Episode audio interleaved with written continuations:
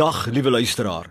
My naam is Kobus Tron en u is ingeskakel by die program Meer as oorwinnaars. O ja, met my hele wese is ek daarvan oortuig dat die Here God sy kinders wil help om meer as oorwinnaar te wees, te word en te bly in elke area van hulle lewe.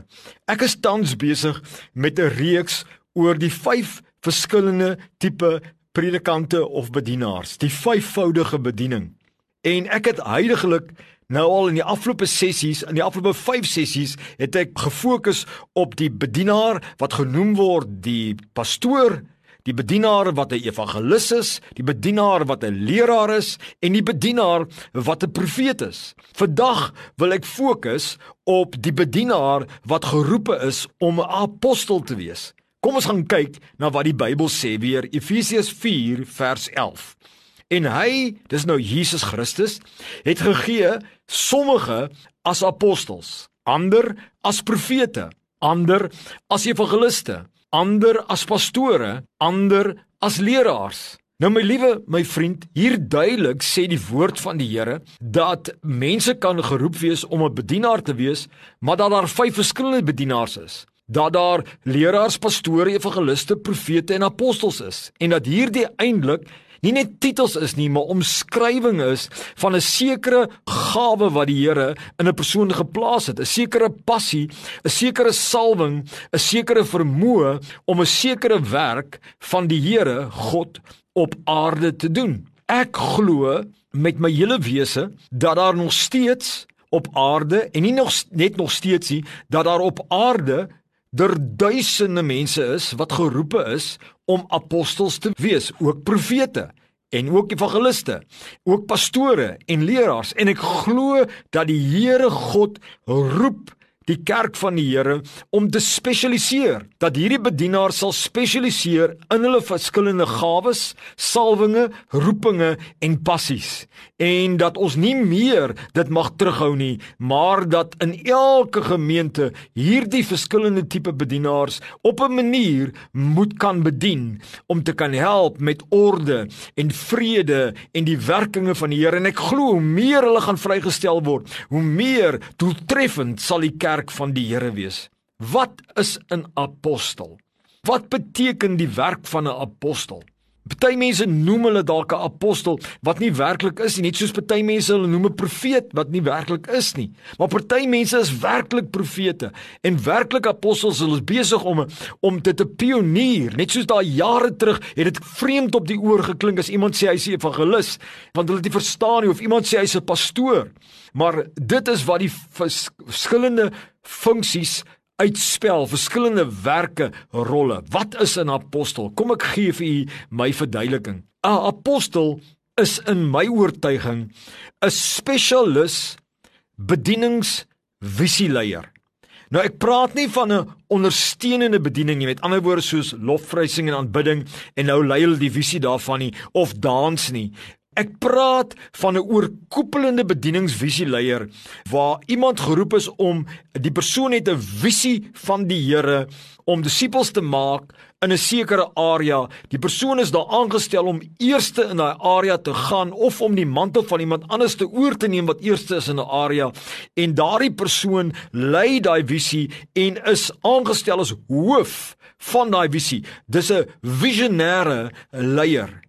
En nie elke bedienaar is 'n visionêre leier nie. Dit is iemand wat voor ander bedienaars stap. Hulle trek saam profete, evangeliste, profete, pastore en hulle oorsien hulle. Net soos jy 'n mega boer het wat oorsien die herders wat die kudde oppas en die ou wat die hoof is oor die groente wat dit bestuur oorsien en help lei om 'n gesamentlike visie van 'n doeltreffende plaas te hê. So is 'n apostel 'n spesialis bedieningsvisieleier. Jy kan hom vergelyk met 'n CEO van 'n groot organisasie of 'n pionier CEO wat in 'n nuwe area inbreek en wat hoof is daar. Hy het die visionêre reg om daardie ding te lei, om daar daardie ark as ek dit sou mag noem te bou. Iets moet hy bou. Hy lê fondasie. Hy skep orde en in lyn met sy visionêre mandaat. As ons gaan kyk na die vyf vingers in die hand, dan verteenwoordig die duim die rol van die apostel. En jy sal sien die duim is die een vinger wat kan raak aan al die ander vier vingers. En dit is ook wat 'n apostel is. Die apostel trek die profeet, die leraar, die evangelis, hy trek hulle almal bymekaar. Hy oorsien hulle, maar die apostel kan ook daardie rolle vervul van die ander bedienaars totdat hulle opgestaan het. In ander woorde, hy sal in sy area die rol vervul van 'n evangelis. Net soos terwyl dit besig is om op te staan totdat ander evangeliste opstaan en dan sal hy nog steeds hulle help oorsien en drywe of lei omdat hy die passie het van 'n evangelis. Maar net so ook sal hy die rol speel van 'n profeet tot ander profete opstaan. 'n Apostel is 'n uiterse noodsaaklikheid want sonder die apostel gaan daar nie nuwe bedieningsvisies kan opstaan en gemaak word nie want dit is net die apostel wat geroep is om 'n oorkoepelende bedieningsvisieleier te hê wat die salwing het van die Here, die roeping van die Here het om voor te staan.